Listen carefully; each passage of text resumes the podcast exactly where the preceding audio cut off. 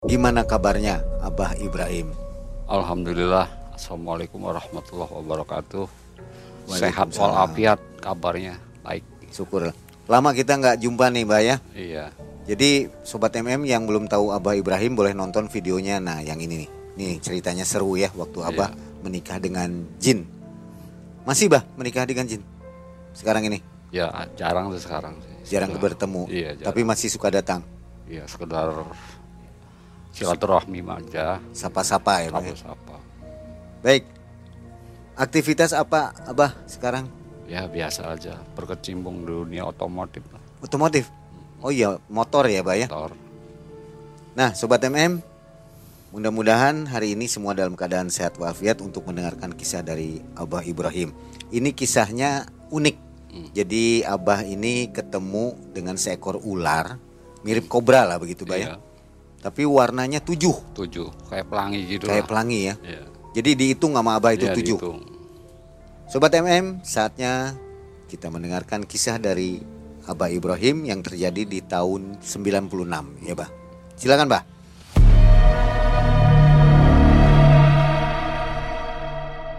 Pada awalnya saya diberi diberikan suatu sebidang tanah sama mertua.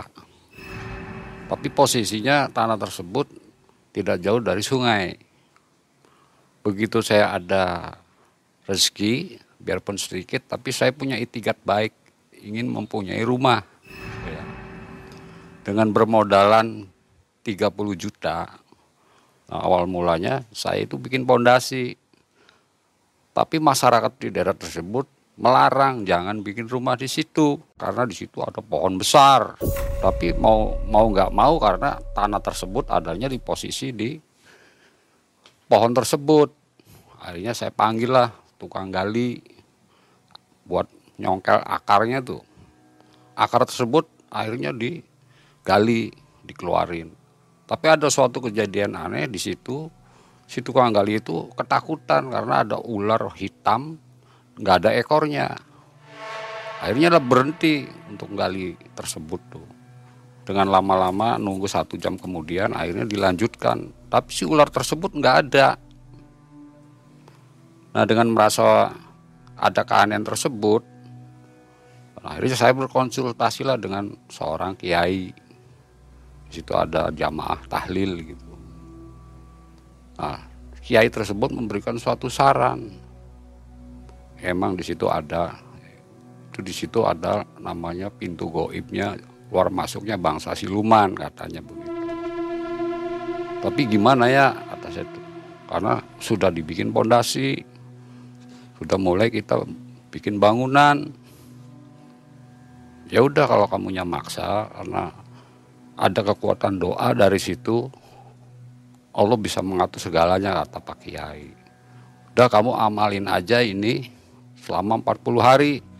Saya diberi solawat sama Kiai itu. 200 ribu ditempuh selama 40 hari berarti semalam saya harus baca 5 ribu.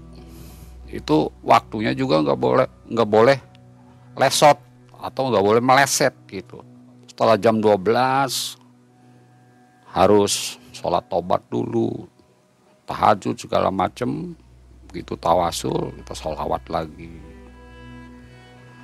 dengan berjalannya waktu akhirnya rumah tuh udah jadi sambil saya mengerjakan. Begitu ya. Begitu 17 hari tersebut itu saya pulang kerja waktu itu hari Sabtu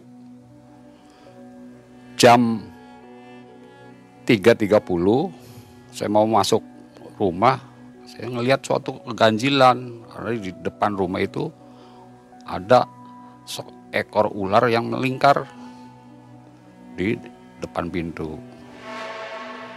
Saya perhatikan kok ular kok aneh sih ada warnanya sampai tujuh. Saya perhatikan lagi ular apaan nih. Terus si ular itu menjulurkan lidahnya. Kok lidahnya satu? Nah, saya tanda tanya dari situ tuh. Biasanya kan bercabang kalau ular tuh. Hanya saya ambil garam. Garam dapur tuh. Kata orang tua kan katanya kalau garam untuk ngusir ular bisa. Saya inisiatif ambil garam. ambil garam saya ajanin saya lemparin ke ularnya. Eh malah ularnya tuh masuk ke dalam rumah. Dengan secara refleks saya ambil ranting kayu. Karena ularnya masuk ke dalam rumah di bawah kursi.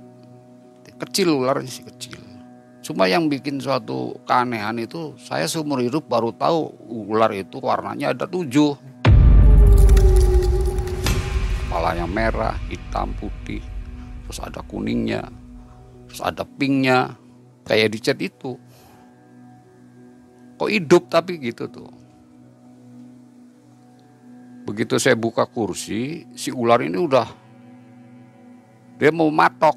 Akhirnya kan dengan refleks saya bunuh ular tersebut. Setelah dibunuh saya nyuruh tetangga. Betul ada tetangga yang bujangan itu lewat. Tolonglah buangin ular itu di sungai. Saya suruh tangga buang ular ke sungai. Nah dengan saya tunggu-tunggu begitu udah lewat maghrib kok perasaan saya nggak enak gitu. Begitu adan maghrib selesai itu hordeng di rumah hordeng kan ditutup pakai kain. Itu kayak hembusan angin. Hordeng tuh keluar semua. Ada lilitan semacam angin puting beliung tapi warna hitam. Hitam. Dengan seketika dia berwujud sebagai makhluk yaitu ular, kepalanya ular, badannya orang tegap. Tapi sisiknya itu berupa kayak uang logam yang gede-gede tuh sisik. Dengan bau hanyir, matanya merah, lidahnya menjulur. Saya ngerasa ketakutan di situ. Saya lari ke kamar. Saya dikejar. Perasaan saya dia satu, nggak tahu bahwa teman-temannya banyak. Akhirnya saya ditarik. Saya itu seolah kayak jadi tawanan begini. Nah yang saya aneh itu, saya masuk ke alam siluman, itu pas yang ada pohon yang saya gali di situ.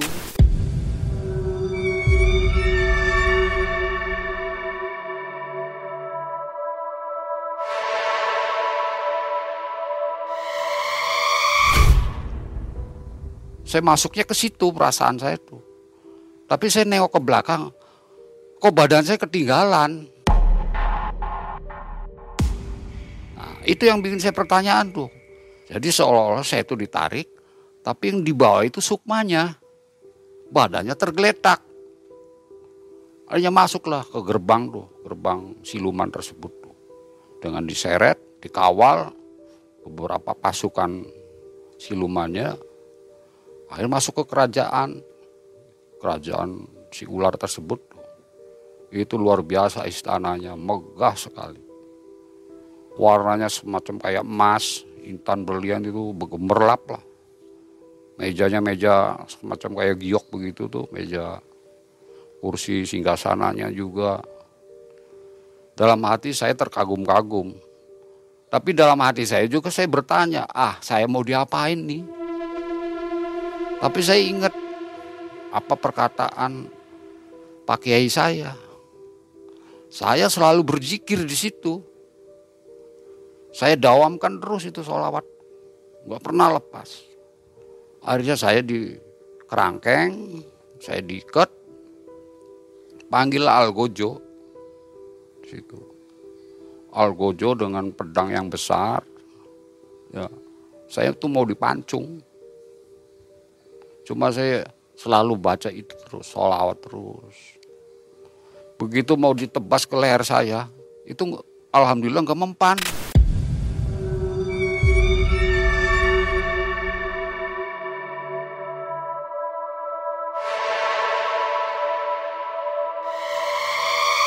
Yang begitu besarnya itu men, berbalik.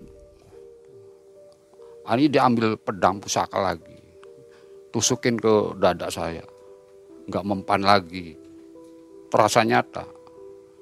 Cuma perasaan saya nggak nyampe ke kulit gitu. Begitu cep, itu kayak ngeluarin cahaya berat gitu. Begitu tusuk lagi berat. Coba ambil yang itu. Pusaka saya yang benar-benar hebat katanya gitu. Diambil Trisula. Nah di, di Risula emang ada suatu getaran yang benar-benar saya ngerasa sakit di situ. Cuma semakin kenceng saya baca solawatnya di situ. Ya Allah, aku mohon padamu ya Allah, minta perlindungan. Apa salah saya ini tuh? Akhirnya masuk penjara di sel itu. Karena segala semacam senjata nggak mengenai badan saya. Akhirnya saya masuk di penjara. Nah ini para menteri-menteri dari kerajaan siluman tersebut tuh berunding dengan si ratu. Nah, saya tuh munajat sama ya Allah ampuni dosa saya ya Allah. Barangkali saya setelah membunuh makhluk atau membunuh ular, saya bilang begitu. Waktu saya ngucapin begitu, si ratu dengar. Akhirnya saya dipanggil sama ratunya tuh. Rempukan tersebut saya di, diinformasikan, ya udah sekarang begini. Memang secara garis besar rakyat saya salah, katanya begitu. Tapi kamu juga salah. Masalahnya bukan apa-apa. Itu sebelum kamu bikin rumah di situ, saya sudah puluhan tahun bahkan ratusan tahun pintu gerbang sudah ada di situ. Kamu seolah-olah pendatang mau menguasai tempat saya bilangnya begitu. Bentuk ratunya sih emang cantik ya, cantik. Cuma rajanya ini yang menyeramkan nih. Sama manusia coba mukanya muka ular. Mukanya ular. Taringnya panjang gitu. Cuma sisiknya itu kayak uang logam gitu. Kalau yang rajanya. Tapi kalau ratunya enggak kayak bentuk manusia tapi cantik sepenglihatan saya gitu. Si pengawal pengawal pengawal pengawalnya juga begitu rata-rata tuh bukan mukanya persis kayak rajanya begitu. Justru mukanya serem-serem, bentuknya tuh aneh-aneh lah. Nah di dalam ketakutan tersebut akhirnya saya tuh disidang lagi. Ya sudah sekarang begini, saya minta maaf bilangnya gitu. Saya bakal saya kembalikan kamu ke jasad kamu bilang gitu. Ini dipanggil tuh si punggawanya itu. Tolong nih anterin. Tapi sebelum kamu pulang, kata si ratunya. Nanti kalau ada apa-apa dengan rakyat saya, kamu bacaan ini ya. Nanti kamu nggak bakal diganggu sama rakyat saya. Akhirnya dengan kebijakannya si ratu, saya dikasih suatu mantra sama ratu. Tapi yang saya nggak mengerti sampai sekarang tuh mantra tersebut nggak lepas dari saya tuh. Selalu ingat kalau ingat ular pasti baca itu. Itu bahasanya bahasa kayak Jawa Sangsekerta gitu loh mas. Ya, saya juga sulit dimengerti bahasanya. Pas saya dipulangin, dipulangin ke rumah, itu kata istri saya saya tuh sempat katanya sudah meninggal waktu saya dibawa siluman ular tersebut tuh. Berarti lama dong? Lama. Jadi dari jam habis maghrib saya dipulangin pas azan subuh. Azan subuh tuh saya baru dikembalikan ke jasad saya. Masukin lagi. Ya maksudnya ditempelin gitu tuh, masuk.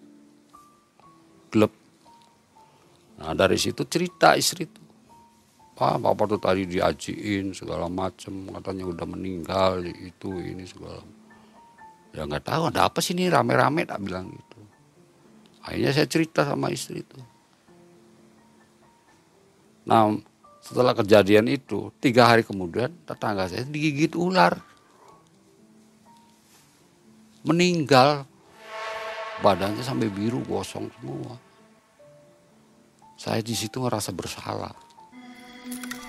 Kenapa saya nyuruh itu yang ngebuang ularnya? Kenapa nggak saya aja dulu kemarin kemarin dulu saya yang buang. Akhirnya saya lapor Pak Kiai kemarin saya kejadian begini-begini. Alhamdulillah untung kamu selamat. Kalau enggak kamu sudah dipenjarakan ke makhluk siluman tersebut. Untungnya waktu saya dikembalikan itu di rumah juga selalu ngaji mengamalkan sesuatu biar saya kembali saya juga di tempatnya siluman tersebut saya nggak lepas dari solawat seminggu kemudian selalu saya diteror. Tapi dengan bacaan itu yang si ratu kasih si ular tuh pergi lagi. Datang lagi dikasih minum pagi sama istri itu kasih teh manis itu sudah melingkar di gelas si ular tuh. Kalau saya ambil gelas tersebut, otomatis saya dipatok. Kalau ini hitam, kobra itu. Hitam banget. Bentuknya nggak besar, cuma 30 cm. Saya perhatiin lagi, kok lidahnya satu. Udah suruh, suruh pergi, saya nggak berani bunuh lagi. Pagi-pagi, seminggu kemudian, datang lagi. Itu yang bedeknya luar biasa gede. Di pojok rumah, di tempat tong sampah, saya kebetulan punya burung, bunyi terus. Saya usir keluar tuh dia nggak mau. Saya pukul-pukul nggak pernah kena. Dia seolah-olah tahu nih arahnya mau mukul ke mana, dia lari ke sini. Akhirnya si ular tersebut tuh loncat mau nyerang saya sambil nyembur saya naik motor. Karena saya loncat otomatis motor nindiin si ular. Saya matiin juga tuh ular tuh. Sambil baca itu. Setelah kejadian itu saya tuntaskan tuh. Dengan diberikan suatu amalan tersebut dari kiai itu selama 40 hari. Begitu hari ke-40-nya Pas jam 12 malam, si makhluk itu datang lagi. Pas saya lagi zikir. Eh, berhenti kamu. Dengan wujud yang begitu tuh. Di depan muka saya. Ini semacam kayak jenderal-jenderalnya begitu tuh. Tinggi besar. Bahkan tempat kamar saya udah nggak muat. Itunya hadir di depan saya lagi zikir. Sampai dia begini sambil melotot. Udah berhenti. Mau apa kamu? Berhenti. Tapi dengan keyakinan saya ya Allah bakar ya Allah. Detik itu juga si makhluk itu seolah disambar petir kayak disambar petir penglihatan saya. Jos kebakar si makhluk. Bakar sampai keluar asap hitam tuh. Terus pergi. Nah udah begitu selesai, itu saling sering sekali saya dikasih suatu barang gitu. Pertama keris kecil ada di depan rumah. Besoknya lagi setelah malam Jumat itu ada batu yang merah itu dari atas tuh turun serot ke situ dapat lagi saya simpan lagi seminggu lagi kemudian ada semacam kayak pelor tapi ada huruf Arabnya gitu tuh. Bulat kok berat amat nih batu. Setelah saya cuci oh ini bukan batu besi ya. Cuma kok ada lapat Al-Qur'annya gitu. Saya simpen lagi. Nah, setelah kejadian itu teror tuh nggak berhenti. Kalau ada saya sih nggak masalah. Tapi ke istri timbulnya tuh sering ada suatu penampakan. Dia lewat lagi kadang kamar mandi dengan wujud begitu. Yang nama istri kan pasti takut. Kadang-kadang berwujud saya duduk di kursi katanya gitu. Sampai saya itu nggak berhenti di situ.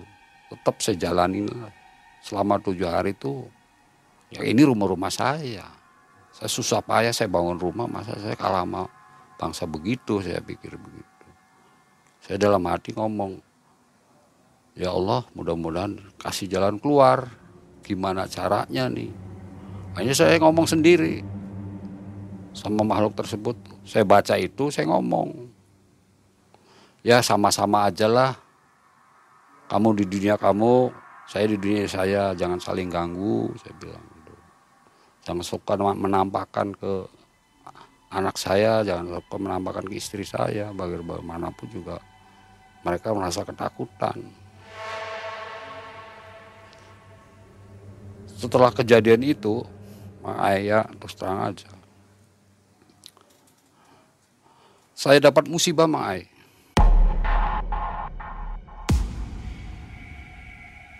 Kejadian itu tuh.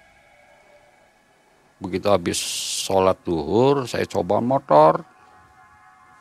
Jadi motor baru, itu ereking lah waktu itu. 97 lagi booming-boomingnya ereking. Dia minta di tune up biar larinya kencang. Bagaimana caranya? Sok biayanya berapa? Dari malam sampai siang, begitu habis duhur selesai, motor jadi nih.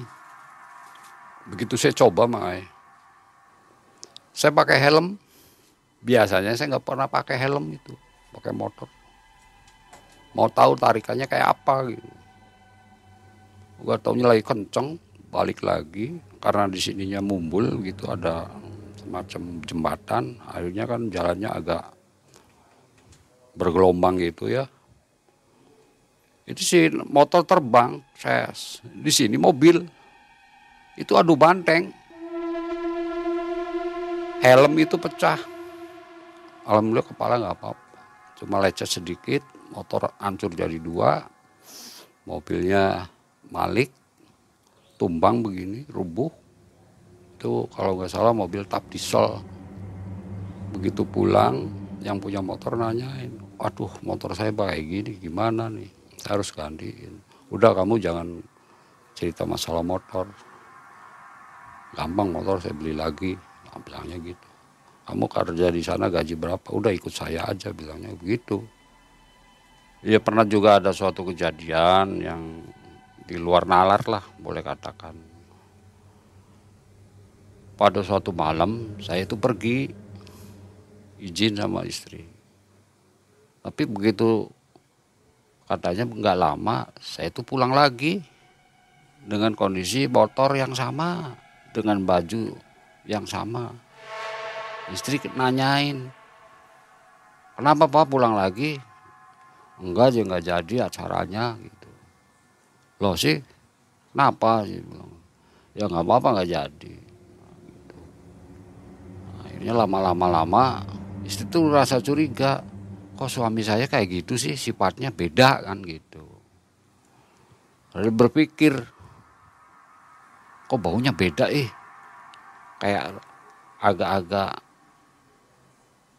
bau amis begini gitu bilang terus sering mainin lidah gitu.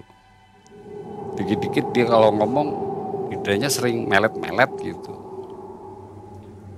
Dia tuh curiga. Tapi yang nggak ngertinya tuh semua percis kayak saya.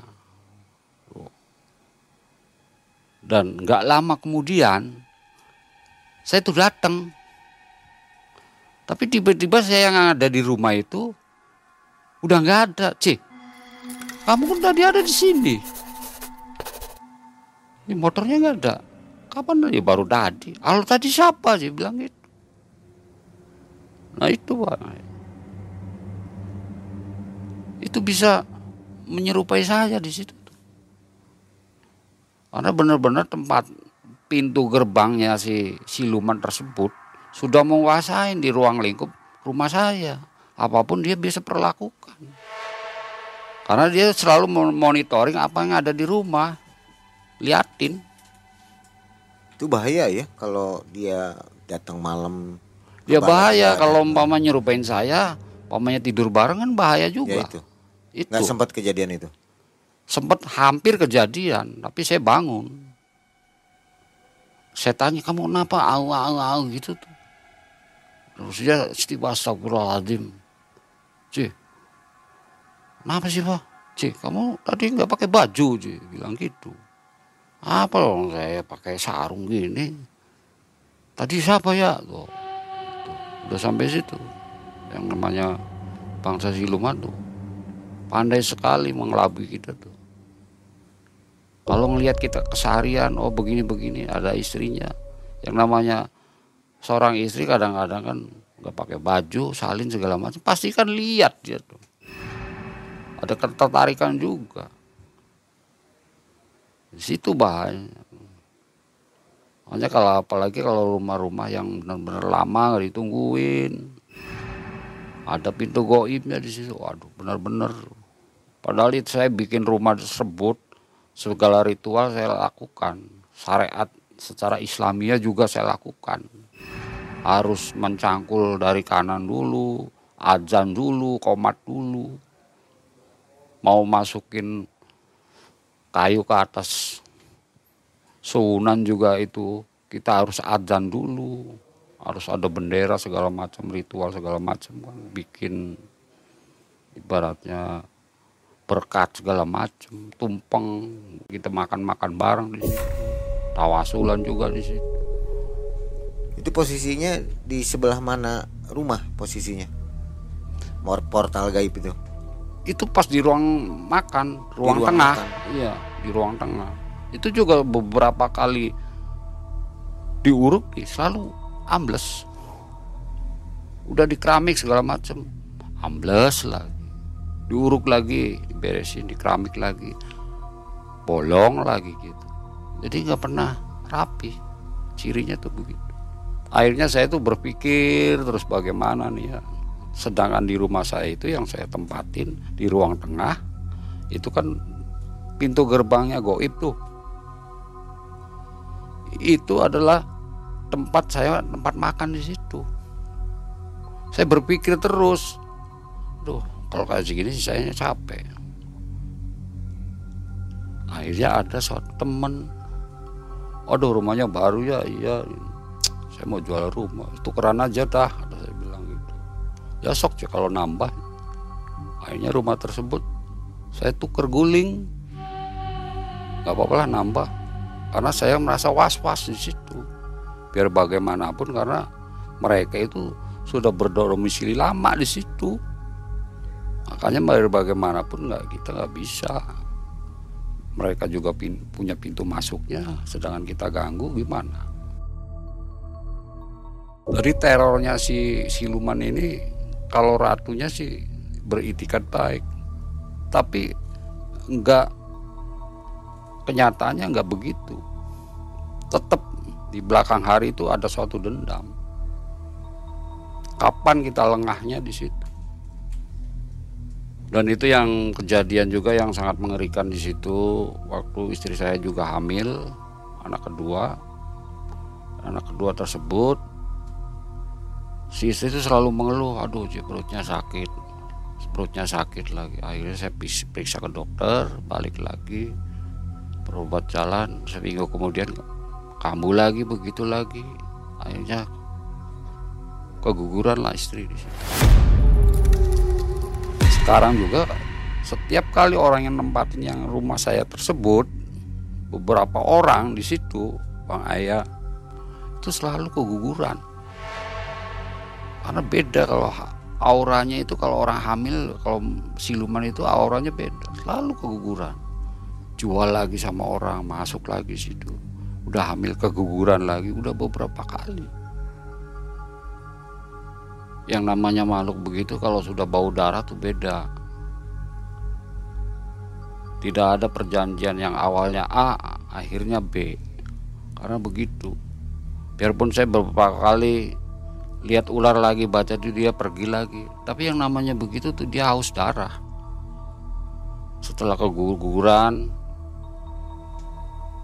akhirnya punya asumsi ah mendingan gimana nih caranya. Nah, dengan segala cara saya protes ke diri saya tuh terhadap ratunya. Bagaimana cara saya mau nemuin? Karena saya mempunyai rasa penasaran di situ kok masih ganggu keluarga saya nih. Cara ketemu dengan ratunya gimana? Nah caranya saya ritual doa yang si ratu itu kasih ya saya baca terus. Saya ngomong dalam hati ini yang ngasih doa saya saya minta ketemu begitu. Dengan keyakinan saya diem akhirnya hadir si ratu tersebut. Itu pas tempat di pinggir sungai itu ada semacam pohon. Pohon kayak semacam sekarang pandan ri itu pandan tapi yang besar itu ada durinya. Di situ ada semacam lubang besar di situ. Saya di situ berdiri. Saya panggil namanya. Saya bawa kemenyan sama kembang melati dia kan pesannya begitu ini bawa kemenyan kembang melati di situ saya panggil.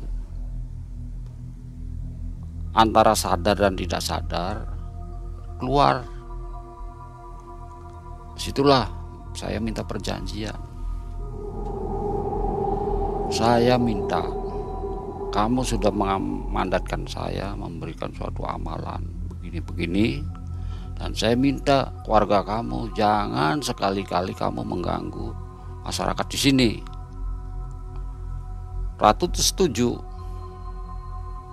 Tapi dengan satu syarat katanya begitu. Apa syaratnya? Syaratnya katanya begitu. Saya minta kepala kambing. Aduh, saya nggak sanggup. Akhirnya saya berempuk di situ sama warga. Bagaimana nih warga nih? Biar lingkungan kita di sini aman segala sesuatu. Ya. Dengan kesadaran masyarakat di situ akhirnya terkumpullah uang sekisaran 300 ribu kita nggak beli kambingnya beli kepalanya aja akhirnya ke pasar pleret di situ embat-embat beli kambingnya ini si kepala kambing saya bungkus sama lawan putih dikasih kembang tujuh hanya digali di situ di depan pintu kerajaannya ya kalau setelah kasat mata sih itu kan kebon lah boleh katakan pinggir sungai dengan pohon-pohon yang rindang tapi ada gua kecil di situ digali di situ sama masyarakat dengan warga di situ Wah, jadi ada yang bilang musrik. Lah peduli setan. Kamu nggak bakal ngerti saya bilang. Yang penting sih saya minta yang penghuni di sini dengan kalian-kalian yang ada di sini, dia lebih lama di sini. Yang menunggu di sini. Saya sekedar pendatang. Saya minta izin lah ibaratnya begitu. Saya dimasukin bala ambing dulu, pendem. Tapi ya dengan keyakinan tetaplah saya memunajat sama Allah minta keselamatan Alhamdulillah Bang Ai. Sekarang biarpun ada ular tapi nggak pernah ganggu tempat di situ. Banyak ular sampai beberapa kali banyak orang yang ngambil pawang-pawang ular ngambil di situ. Nggak pernah kena. Udah dipegang nih lepas. Masuk lubang hilang. Bingung. Akhirnya saya datang mas udah jangan ambil ular di sini. Kalau kamu mau selamat jangan ganggu ular-ular yang ada di sini. Makanya alhamdulillah sekarang tempatnya udah aman jadi berhati-hati kalau umpamanya kita ada binatang melata ular atau segala macam kadang-kadang ada suatu isara. Cirinya kalau ular siluman itu dia lidahnya satu udah gitu aja. Kalau dua ya ular biasa lah. Ular alam gitu maksudnya. Kalau udah melet satu itu hati-hati dan kalau bentuknya yang aneh-aneh nah jangan sekali-kali kita bunuh. Sampai sekarang amalannya masih ingat ya? Saya masih ingat. Jadi setiap baca itu ular pasti minggir? Minggir. Saya ngomong baca itu tiga kali kata dia kan tiga kali ya. Nah, udah ngomong itu saya ngomong sendiri. Udah sana pergi jangan ganggu. Dia tuh udah nongol begini dia langsung begini langsung pergi. Kemarin juga waktu saya mancing ke balong saya itu ada ular Pak, ada ular. Udah jangan diem dulu diam saya bacain itu dia pergi. Nah, itu banyak kejadian-kejadian kalau emang nemuin ular gitu.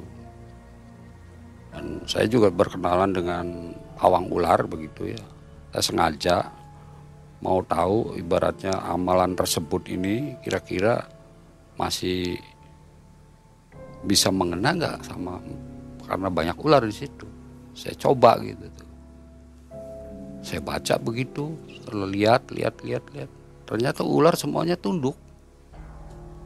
Yang tadinya berdiri begini langsung begini.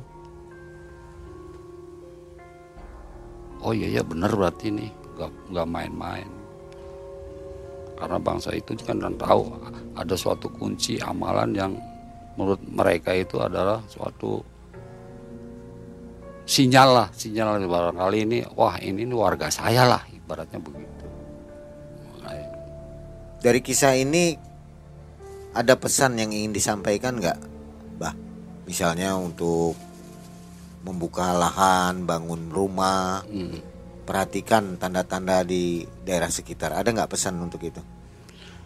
Ada sih bang Ai. Terutama gini ya kita kalau bangun rumah itu otomatis kan kita harus uh, minta izin sama sesepuh yang berdomisili di situ minta izin dulu atau pemuka agama kita undang nah, kita izin sama masyarakat di situ dan kita tanya ada sesuatu hal nggak kalau saya bikin rumah di situ? Atau satu keganjilan? Itu harus benar-benar hati-hati. Dan kedua juga kalau bikin rumah kan orang biasanya itu nggak asal aja harus ukurannya segini ada pintunya ke mana. Itu ada hitung-hitungannya lah kalau menurut orang tua. Jadi pesan saya berhati-hati kalau memang kita mau bikin suatu rumah. Kalau rumah kan ibaratnya iman. Karena di situ rumahku istanaku kan gitu pengaya Betul betul. Jadi juga untuk yang lain-lain kalau beli rumah rumah komplek ya susah kan mendeteksinya ya hmm. karena sudah jadi rumahnya itu. Iya. Kalau untuk rumah komplek kitanya harus benar-benar uh, istiqomah lah biar rumah tersebut ada nur atau cahaya. Semuanya kan milik Allah semua. Tergantung tingkat kita yang punya rumahnya. Insya Allah oh, jadi baik ya. Insya Allah jadi baik. Nah untuk membunuh ular atau hewan-hewan yang aneh itu hmm. Sebaiknya jangan dilakukan ya, bah. Jangan sama, jangan sekali-kali kita membunuh ular yang benar-benar ada keganjilan atau aneh. Jangan aja. Itu akibatnya fatal. Seperti kisah ini ya. Kisah ini yang pernah saya alami. Gitu. Selain ular, apa makhluk lain yang dianggap angker lah gitu? ya kebanyakan sih dari situ kan terutama identik ya kalau namanya makhluk siluman itu kan sering kali kan ular atau buaya. Tapi umumnya untuk di masyarakat kita di sini itu ular sangat identik. Tiba-tiba di rumah ada ular itu nah, pertanda ya? Kalau tiba-tiba ada ular bertanda kadang-kadang kita punya ijab belum pernah dilaksanakan. Oh dia tandanya itu? iya dia nagih janji itu juga nggak boleh dibunuh. Nggak boleh dibunuh. Itu ada isara. Kamu punya janji nih belum dilaksanakan. Itu pasti didatengin ular. Nazar gitu. Nazar kita punya nazar gitu tuh. Itu pasti didatengin ular. Berapa kali kita datangan ular. Berarti kita punya keinginan sesuatu tapi belum tercapai nih. Setelah tercapai dia lupa nazarnya. Dia pasti didatengin. Satu isyarat baik Sobat malam mencekam, ambil hikmah dari kisah Abah Ibrahim ini. Jadi jangan sembarangan hmm. membunuh hewan yang datang ke rumah kita ya. Hmm. Akibatnya bisa fatal tadi seperti yeah. yang ada di kisah Abah Ibrahim. Terima kasih Abah atas kisah yang menginspirasi ini. Kita ambil hikmahnya dan jangan lupa tingkatkan keimanan serta ketakwaan kita kepada Allah Subhanahu wa taala. Ya. Akhir kata Mang Ei dan tim undur diri. Assalamualaikum warahmatullahi wabarakatuh. Waalaikumsalam warahmatullahi wabarakatuh.